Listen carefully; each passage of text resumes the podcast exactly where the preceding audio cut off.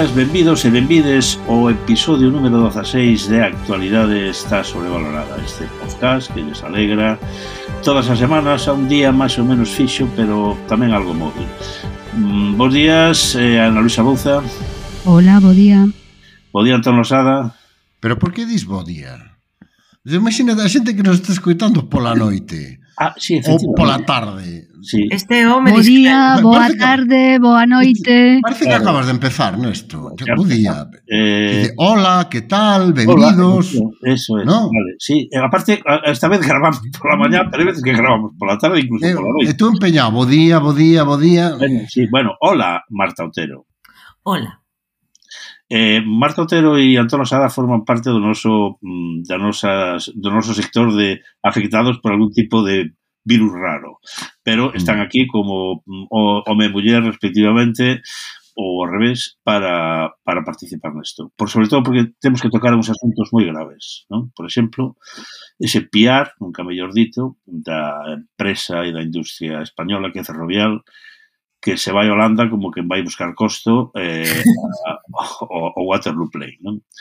Por que se vai Ferrovial? Bueno, vai ser porque pode, pero... Mm, bueno, non está tan claro que poda, eh? Ah, non? No, o primeiro eh, o goberno xa anunciou e me parece moi ben que vai ter que acreditar que o domicilio fiscal é real e a ver como fai eso cando neste momento nos Países Baixos o que teñen un ático alugado e menos de 30 empregados. Como nos, vamos. Vai ter que acreditar que efectivamente o domicilio era e despois é unha cuestión que ten que ver coas reglas de decisión das, de, dese tipo de movimentos nunha gran compañía en España, non?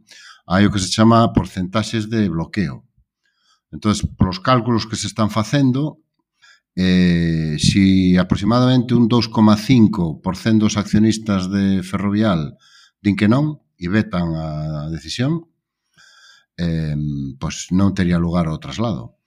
Eh, máis do goberno... A decisión en... tómase a decisión non a toma unha persona, a decisión tómase na xunta de accionistas. Exactamente. E este señor ten unha porcentaxe grande, pero non ten suficiente como para bueno, tomala. Pero, bueno, en principio parece, é dicir, eh, as informacións que circulan é que non hai ningún accionista que este realmente en contra desto. Outra cosa é que o goberno de Pedro Sánchez, que está tan indignado e tan molesto con esta situación, poda mover os seus fíos como fixo no seu momento Macron cando algunha compañía francesa se plantexou algo semellante e construir esa minoría de bloqueo ou mesmo eh, participar de alguna maneira no accionariado ferrovial, cousa que, insisto, en Francia e Alemania, tanto Macron, os antecesores de Macron e en Alemania Angela Merkel fixeron en varios casos. Creo que no caso de Francia en un banco e no caso de Alemania na Deutsche Telekom. ¿no?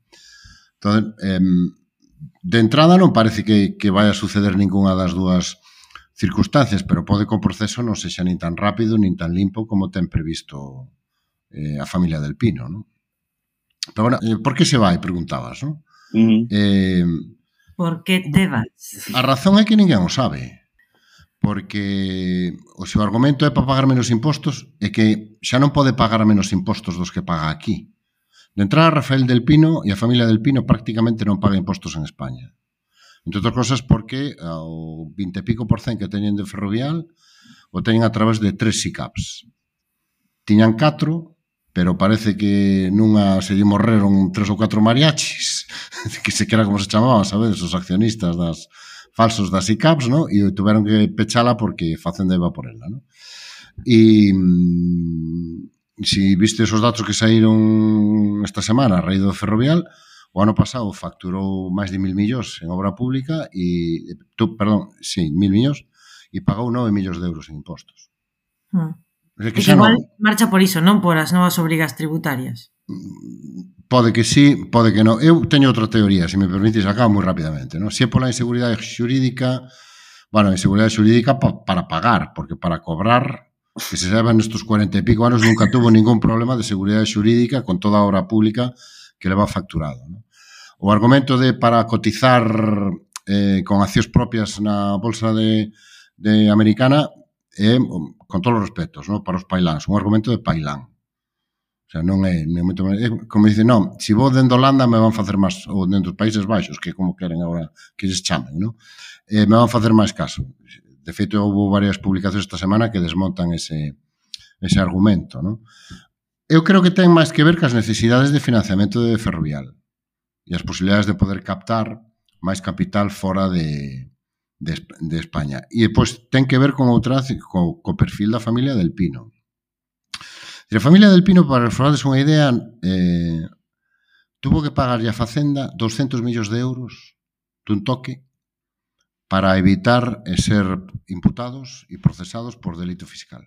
Eso pagono no ano 2013, que vos recordo que daquela non gobernaba el, el malísimo de Pedro Sánchez, ni siquiera el malísimo de Zapatero, gobernaba Mariano Rajoy e era ministro de Facenda Cristóbal Montoro.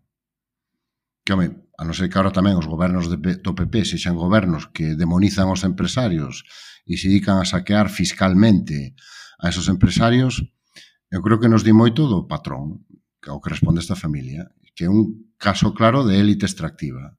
É dicir, eh, a miña, cal é a, relación, a relación como meu país? Yo os traigo todos os recursos que puedo e a cambio non devolvo nada. Son un puro extractor.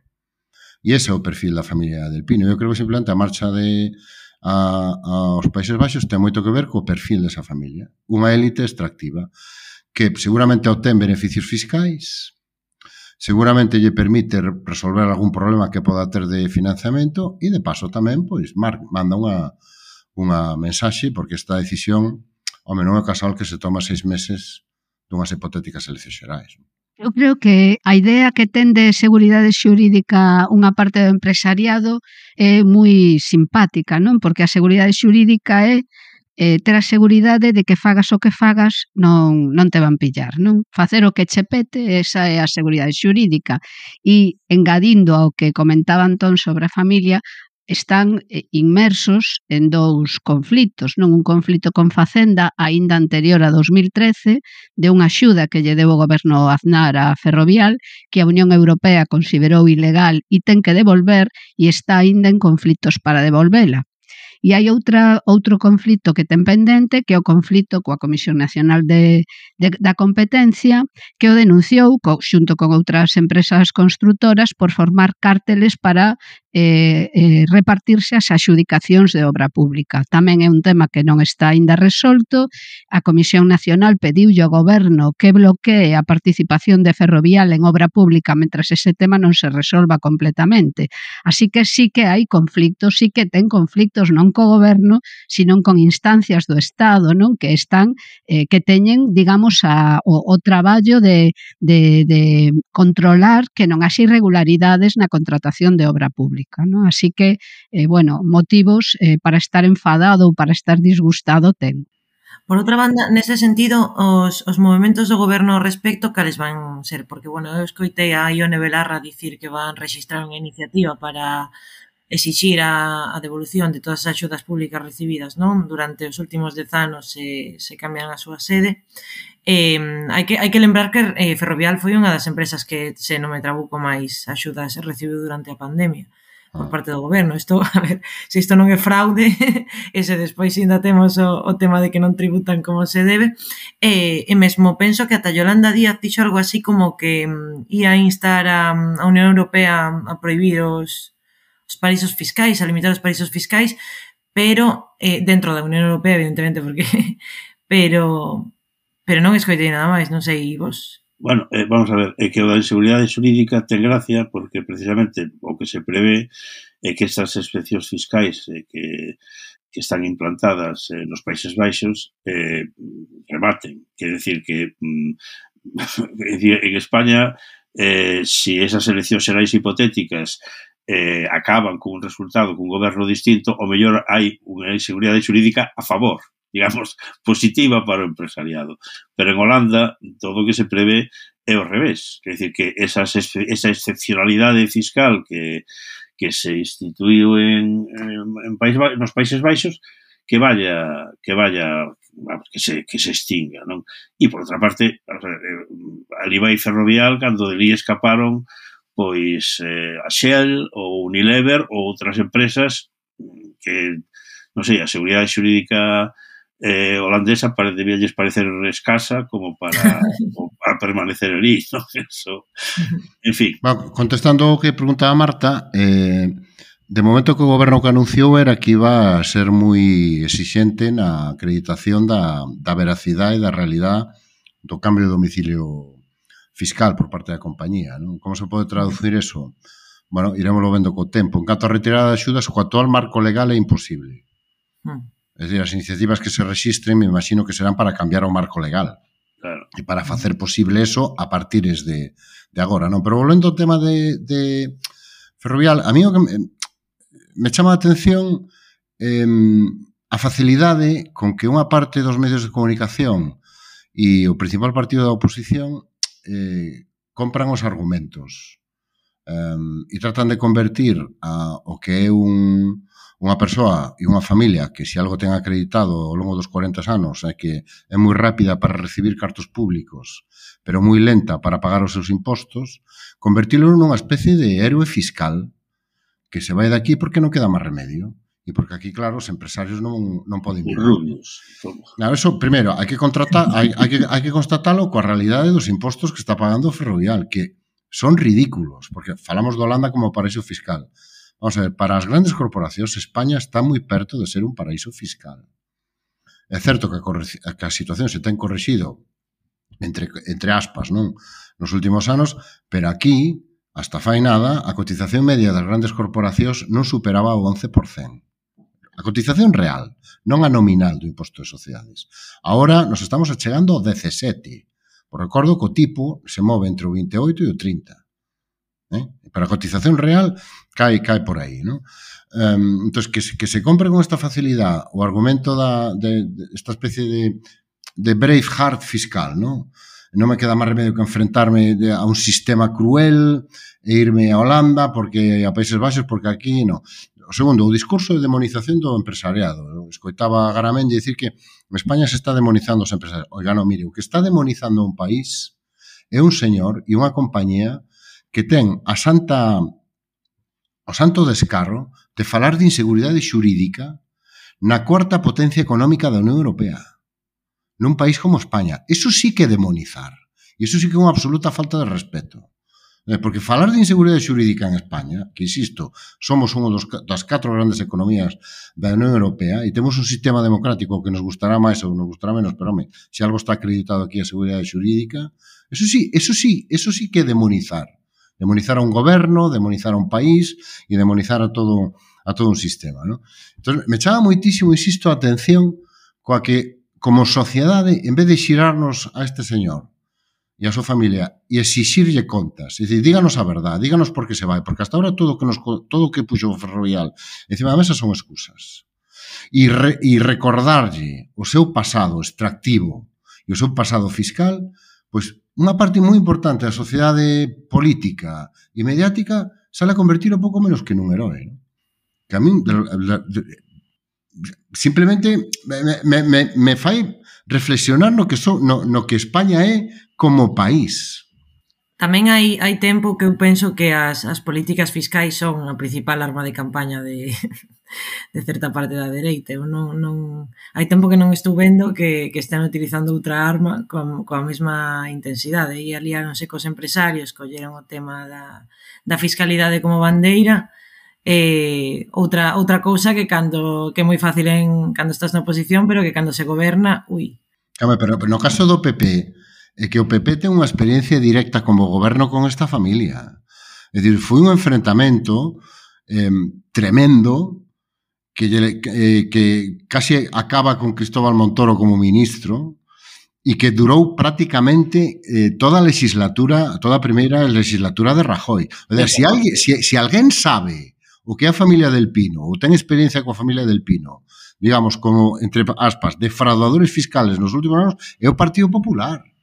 Entón, que o Partido Popular, que ten esa experiencia en primeira persoa, esa experiencia de goberno, se poña do lado do mismo empresario, da mesma familia, co que tuvo que negociar a cara de can para que pagara os seus impostos, a mí, cando es que me resulta eh, me quedo sin me quedo sin adxetivos para describir. El enemigo de mi enemigo es mi amigo e la que antes fora meu enemigo. Ben, falando esta, cosa, esta cosa que, se me permites, esta cosa que se está dicindo. No, no, que pode ser a primeira de moitas. En España, afortunadamente, hai empresas máis grandes e máis internacionais, bastante máis que Ferrovial, e que se saiba ningunha se está plantexando nin de lonxe un movimento semellante. Bueno, pero como cando foi de Cataluña, non ia haber estampida de empresas fuxindo de Cataluña.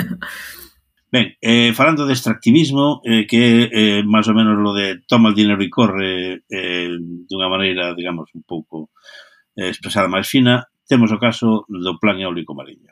O plan eólico mariño mm, parece ser que segundo segundo o goberno, que é quen manda e quen decide, e adiós mi buenas, eh, mm, eh, nas costas galegas vai nos tocar o 54% dos chafarixes estes. Eh, como vedes, como sentides, que me queredes decir con isto? Ba, eu estou esperando, é que non sei que pensar, o sea, pode que sea unha boa noticia, non o sei, pode que sea unha mala noticia, non o sei, porque de momento, basicamente o que temos é un titular e unha enorme campaña de, de propaganda e de publicidade de en determinados medios explicándonos o maravilloso que vai ser e os postos de traballo que se van crear e o complexa que é a tecnoloxía e o, e o fantástico eu no anuncio de Teresa eh, Rivero da, da vicepresidenta eu me sinto un pouco como debían sentirse os, os indios síos non cando iban os, os mercaderes e os, os traficantes blancos non? e lle sacaban botellas de whisky, cosas de colores, e dicían, ala, para vosotros que isto é moi ben. E a cambio se levaban o ouro, os metais preciosos e as pieles, non? Porque eh, onde está a explicación desa decisión? Donde están os informes técnicos para saber por que se toma esa decisión e non outra? Donde están os informes de impacto medioambiental, de impacto económico, de impacto na nosa pesca? Donde está o debate público que tiña que ter acompañado e precedido a esta decisión? Eu non coñezo a ninguén en Galicia o que lle falaran desto por parte da vicepresidencia. Non sei vos.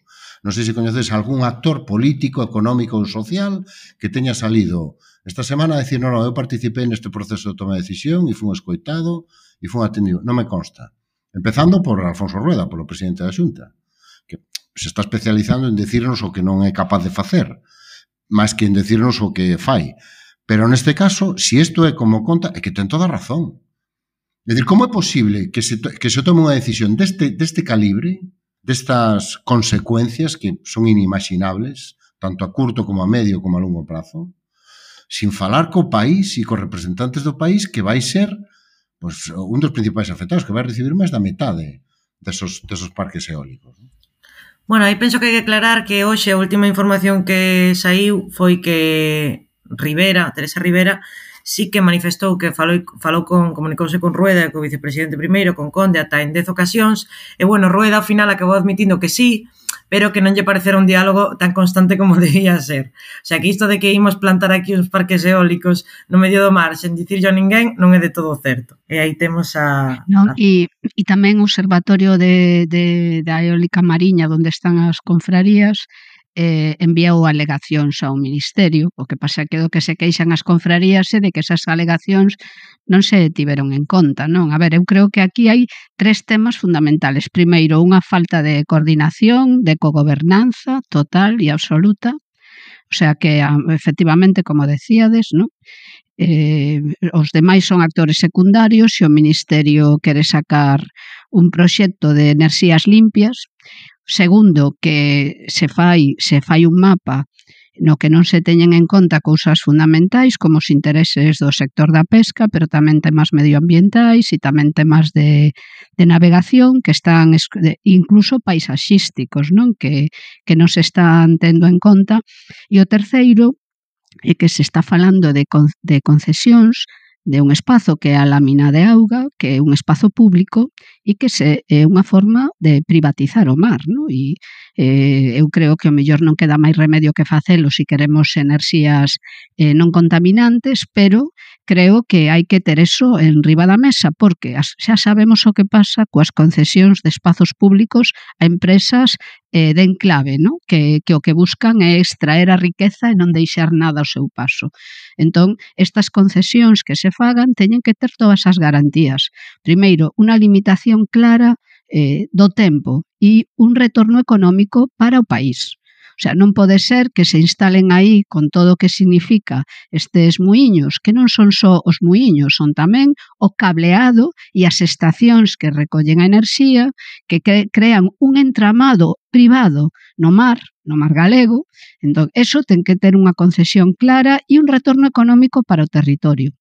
Creo que esas cousas que son as que hai que debatir e que efectivamente este simplemente un mapa de onde deberían estar os muiños. Aínda non hai un proxecto empresarial Pero, eh, que perdona, cubra a, a, a, ese, ese mapa. Onde está a documentación que respalda ese mapa?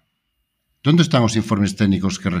Por que Galicia vai ter, sí, sí. por que, por que Galicia, vai ter o 50 e pico por cento dos, dos decía antes Marta que fa, falou falaron hasta de veces, pero houve intercambio de papeles. Donde están os papeles? Houbo.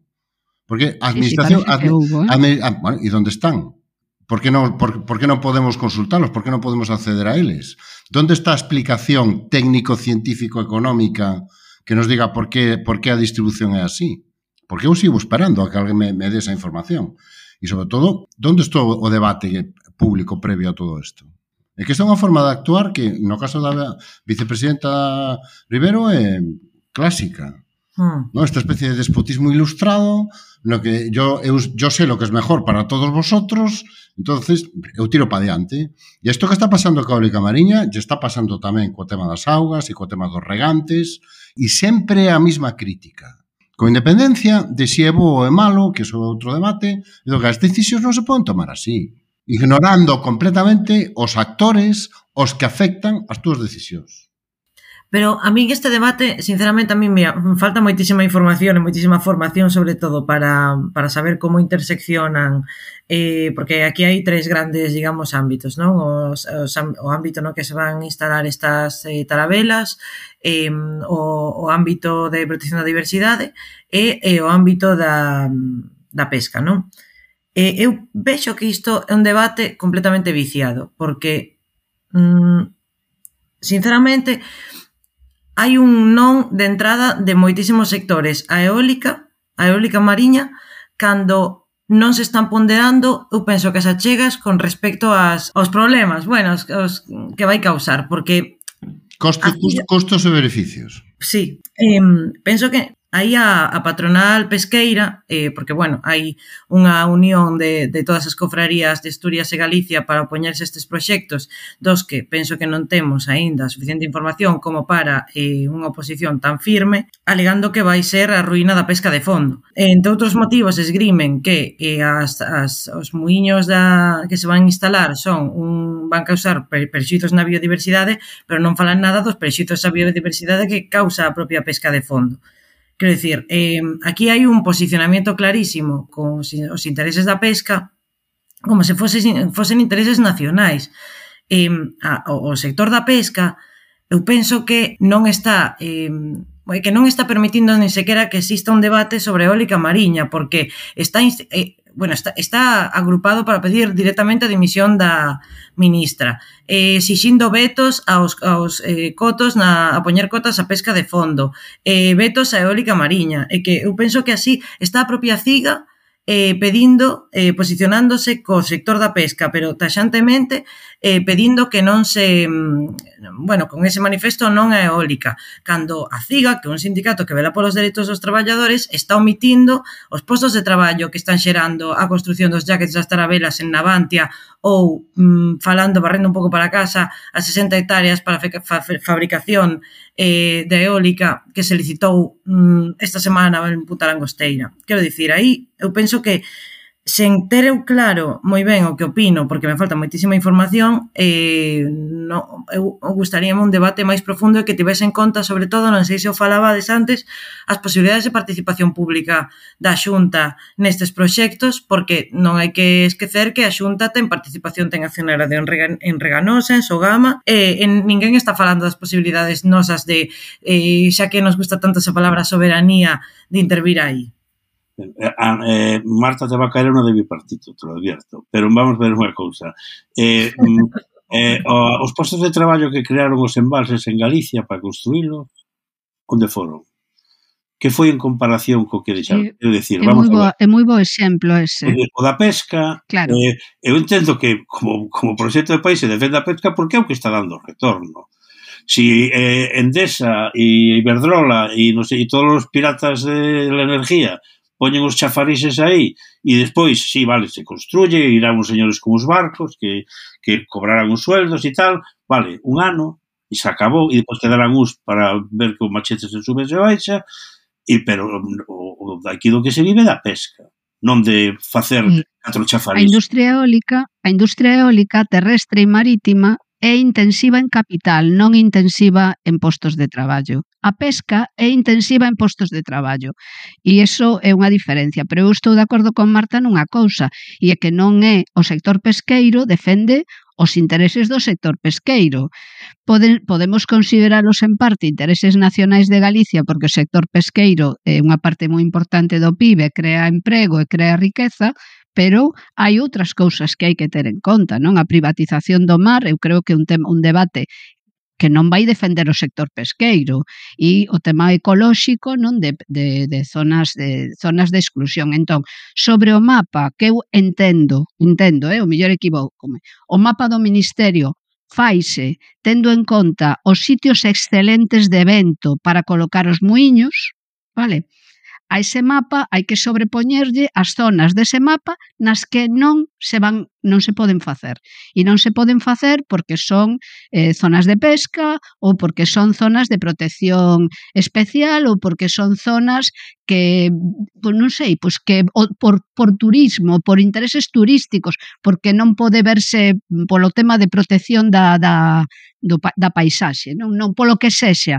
Eu creo que o, o mapa hai que traballalo. Eh, hai que decir, deste mapa que digamos é o mapa de donde sería interesante desde o punto de vista da produción de, de electricidade colocalos, hai unha serie de zonas nas que non. E despois, cando non haxa eh, zonas de exclusión sobre ese mapa, aí é onde hai que traballar as condicións. Eu creo que eh, Galicia non pode plantexarse eh, poñerlle un boicot porque si a Élica Mariña. Eu non creo que ninguén o este facendo.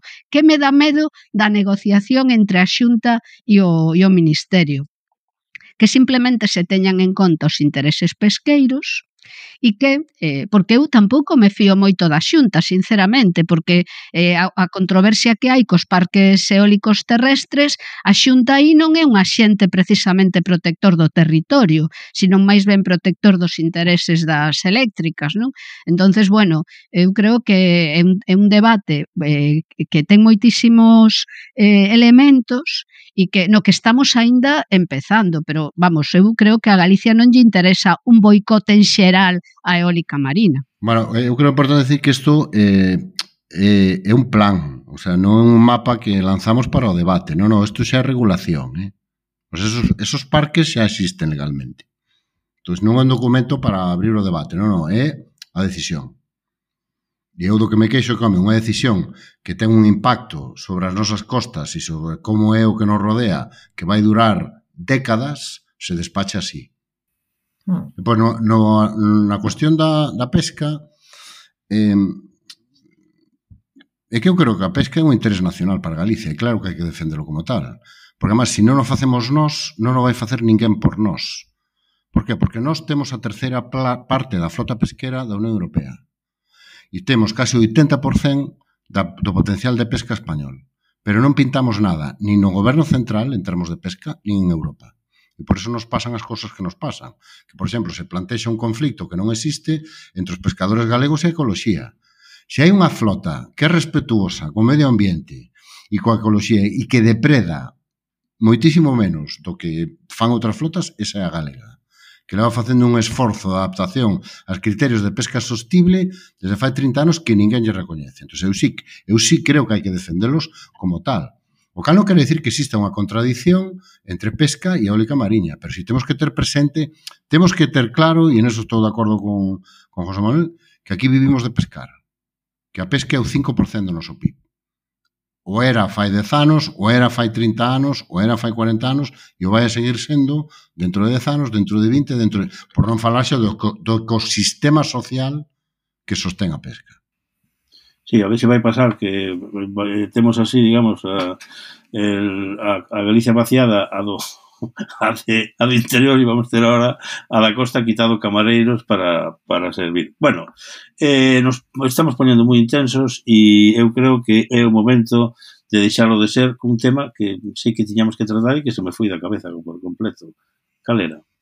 Pois pues era ah, o desa Coruñesa que gracias á xestión ah, do goberno... Sí Central acaba, acaba de ser liberada Ana Baleira. Eh, eu, eu, só quería, Ana, eu só quería decir unha cosa e unha pregunta no? ao final do podcast é dicir, alguén nos pode explicar como é posible que Álvarez creo que recordo que se chama así o ministro dos Asuntos Exteriores no? Álvarez, sexa capaz de conseguir en 4 meses ou polo menos eso venda el poñendo esa medalla no? e a diplomacia española sexa capaz de conseguir en 4 meses a liberación de Ana, esta coruñesa, dun réxime terrible e unha ditadura terrorífica e unha autocracia insoportable como é Irán. E, sin embargo, nun ano, porque se vai cumplir ou se está cumplindo estes días o aniversario da detención en Polonia de Pablo González, do, do xornalista, nun ano non teñamos sido capaces de conseguir que unha democracia amiga como é Polonia un país socio que está con nos na Unión Europea lle teña siquiera levantado o réxime de aislamento brutal o que está sometido. Un ano en prisión preventiva, eh? No, no, está, no en preventiva e aillado. Leva un ano aillado. Alguén que alguén me explique, por favor, como con Irán sí, que son moi malos e, unha, e, e además ela estaba acusada de delitos graves. É dicir, estos días está eh, salindo a graves para o réxime iraniano, claro. claro. Eh, noticias de que se está xusticiando a xente, pois, pues, basicamente por protestar e por levar mal o, o, o, o velo. O, o velo. Entón, como é posible que se consiga eso con Irán e non sexa posible conseguir, o xa non digo que o traigan para aquí, o que o liberen, pero, home, polo menos levantarlle o réxime de aillamento e que se deba comunicado neste ano coa muller unha vez. Solo ten unha hora o día fora da cela. Que se di pronto, vamos. O sea, sí, eu, eu no tema de... Partindo da base de que, bueno, estou completamente de acordo con, con Antón e non me explico eh, ninguna situación nin a outra. Eh, eu do tema de, de Ana Baneira quería dicir unha cousa, é eh, que eh, cando saiu esta noticia de que, bueno, saltou eh, por parte dunha asociación que vela polos dereitos humanos os activistas en distintos eh, lugares do mundo que, que estaba detida esta activista coruñesa en Irán eh, bueno, todos os medios evidentemente no, bueno, tanto a prensa local como a prensa nacional fixémonos eco e tal. Bueno, eu só quería dicir, porque creo que quede dito en algún sitio, que mm, a familia chamou Xornal... Atención, atención aos abogados de luces a este fragmento. Non, porque é verdade, eh, está, é perfectamente comprobable. Eh, a familia chamou medio por medio, radio por radio, xornal por xornal, eh, televisión por televisión, pedindo, por favor, que se baixase a intensidade mediática da cobertura do suceso, porque, bueno, a rapaza xa levaba detida un tempo e iso podía, a presión internacional podía perxudicar as negociacións pola súa liberación. Eh, bueno, Claro, cando saltou a noticia, a familia tivo que parar concentracións no, no, no que fora colexio dela, eh, bueno, mm, houbo mocións nos plenos, no Parlamento Galego, bueno, a familia esa semana eu podo dar fe de que pasou bastante mal. Bueno, penso que todos os medios aí baixamos moitísimo, bueno, baixamos de todo, completamente a intensidade, pero o día seguinte de recibir esa chamada, houbo un xornal que eh, levou a portada en grande a manifestación que fixeran eh, un xornal ademais con bastante eh, importancia. A que xornal? Fixeran, que xornal? Aquí non, aquí non un xornal, un xornal, bueno, un xornal que, que bastante lido. Eh, a manifestación que se fixo no Liceo para pedir a súa liberación eh, en grande. Queremos a Ana Baneira, todos con Ana Baneira. Aproveitando que eh, podían ser, eh, bueno, ter unha certa exclusividade nesa cobertura aproveitando que o resto íbamos a estar en silencio. Entón, bueno, quero invitar un pouco a reflexión para que, eh, bueno, a xente pois empece a decatarse. Para que, para que ese xornal anónimo reflexione. Non, non, para que a xente empece a decatarse destas cousas. Eh, bueno. E que un xornal non é igual que outro xornal. E non nos, que... non nos podes dar unha pista? De... No, no, no, non bueno. nos das unha pista deso, es que non sirve de nada, Marta, sinto. Ti, ti, que, ti pensas que non sirve nos, de nada? Todos todos podemos imaginarnos En que cidade se edita? En que, onde se edita? Nunha cidade, cidade preciosa. Bueno, no, creo que ninguna cidade. Eh. Ah, non, en Anubis. É un polígono. Ah, pois pues xa está, non, no digas en máis. En Saigón. En Saigón, en Saigón, ¿no? sí, en Saigón. Eso dixéselo ti. Un pero xornal bueno, editado en Saigón. Eu a min isto, vamos, mm, pareceume eh, chamativo. Ben, eh, con estas eh, reflexións eh, sisudas e acinadas de Marta Otero e do resto dos concultorios. Despedimos ata a semana que ven, se si a autoridade non lo impide, e el tempo lo permite ou ao revés. Vole decir vos días, vole decir vos días outra ven, vez. Ven. días, día, buen día, buen días, boa tarde, porque xa casi pasamos o... Ah, o boa tarde, veña, digo, boa tarde. O, o Ecuador. Boa tarde a todas, a todos e a todes. Hasta logo. Chao. Hasta logo.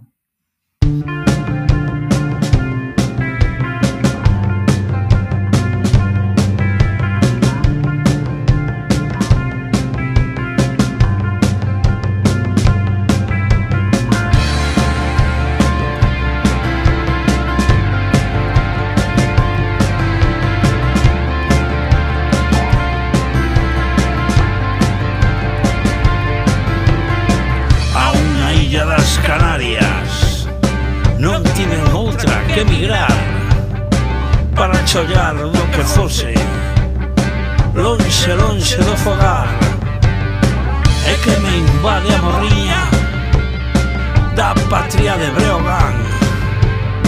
Cando escoito resentidos É que me boto a chorar. A chorar.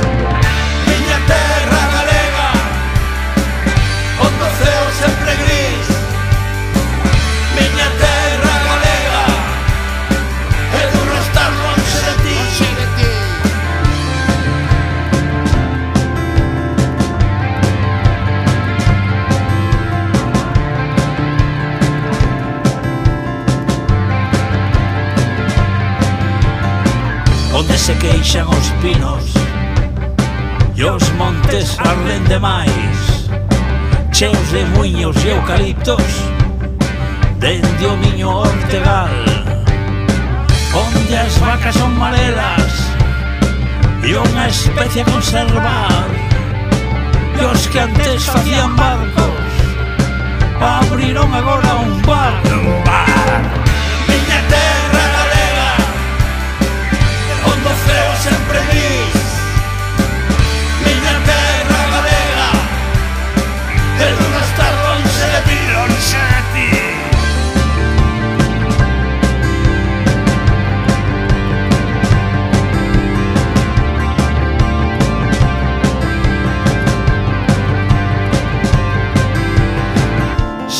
Sanjoy no Jacobeo Empanada e pulpo a feira. Queimada y el vino turbio. Lo bien que se come aquí. O viñasito miñanco, Foncellas e curuxás A resistencia galega E o pazo de Meirás